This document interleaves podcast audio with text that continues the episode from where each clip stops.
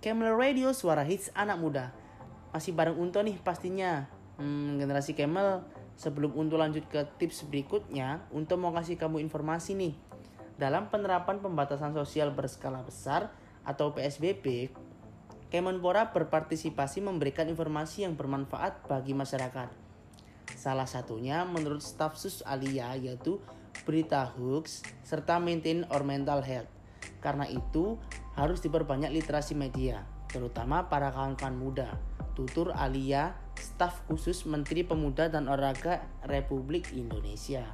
Nah, bicara soal berita hoax, tips kelima kali ini masih berhubungan nih generasi Camel, yaitu bijak dalam mengkonsumsi berita.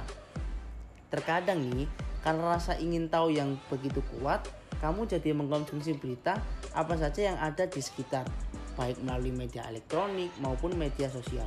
Padahal tidak semua berita bermanfaat dan membangun.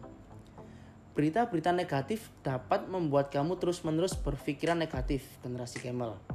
Kamu juga bakal jadi takut, ragu, bisa-bisa cemas, bahkan tidak sehat dalam pola pikir. Akibatnya, pikiran kamu bakal terbebani dan merasa kurang bebas. Bijak mengkonsumsi berita adalah salah satu cara mencintai diri sendiri. Pisahkan berita mana yang bersifat informatif dan positif serta berita mana yang tidak. Hal ini penting untuk melindungi jiwa atau mental kamu generasi Kemal. Nah, itu tadi tips kelima generasi Kemal. Seperti biasa sebelum lanjut, untuk puterin lagu dulu buat kamu nih. Dengerin ya, stay tune.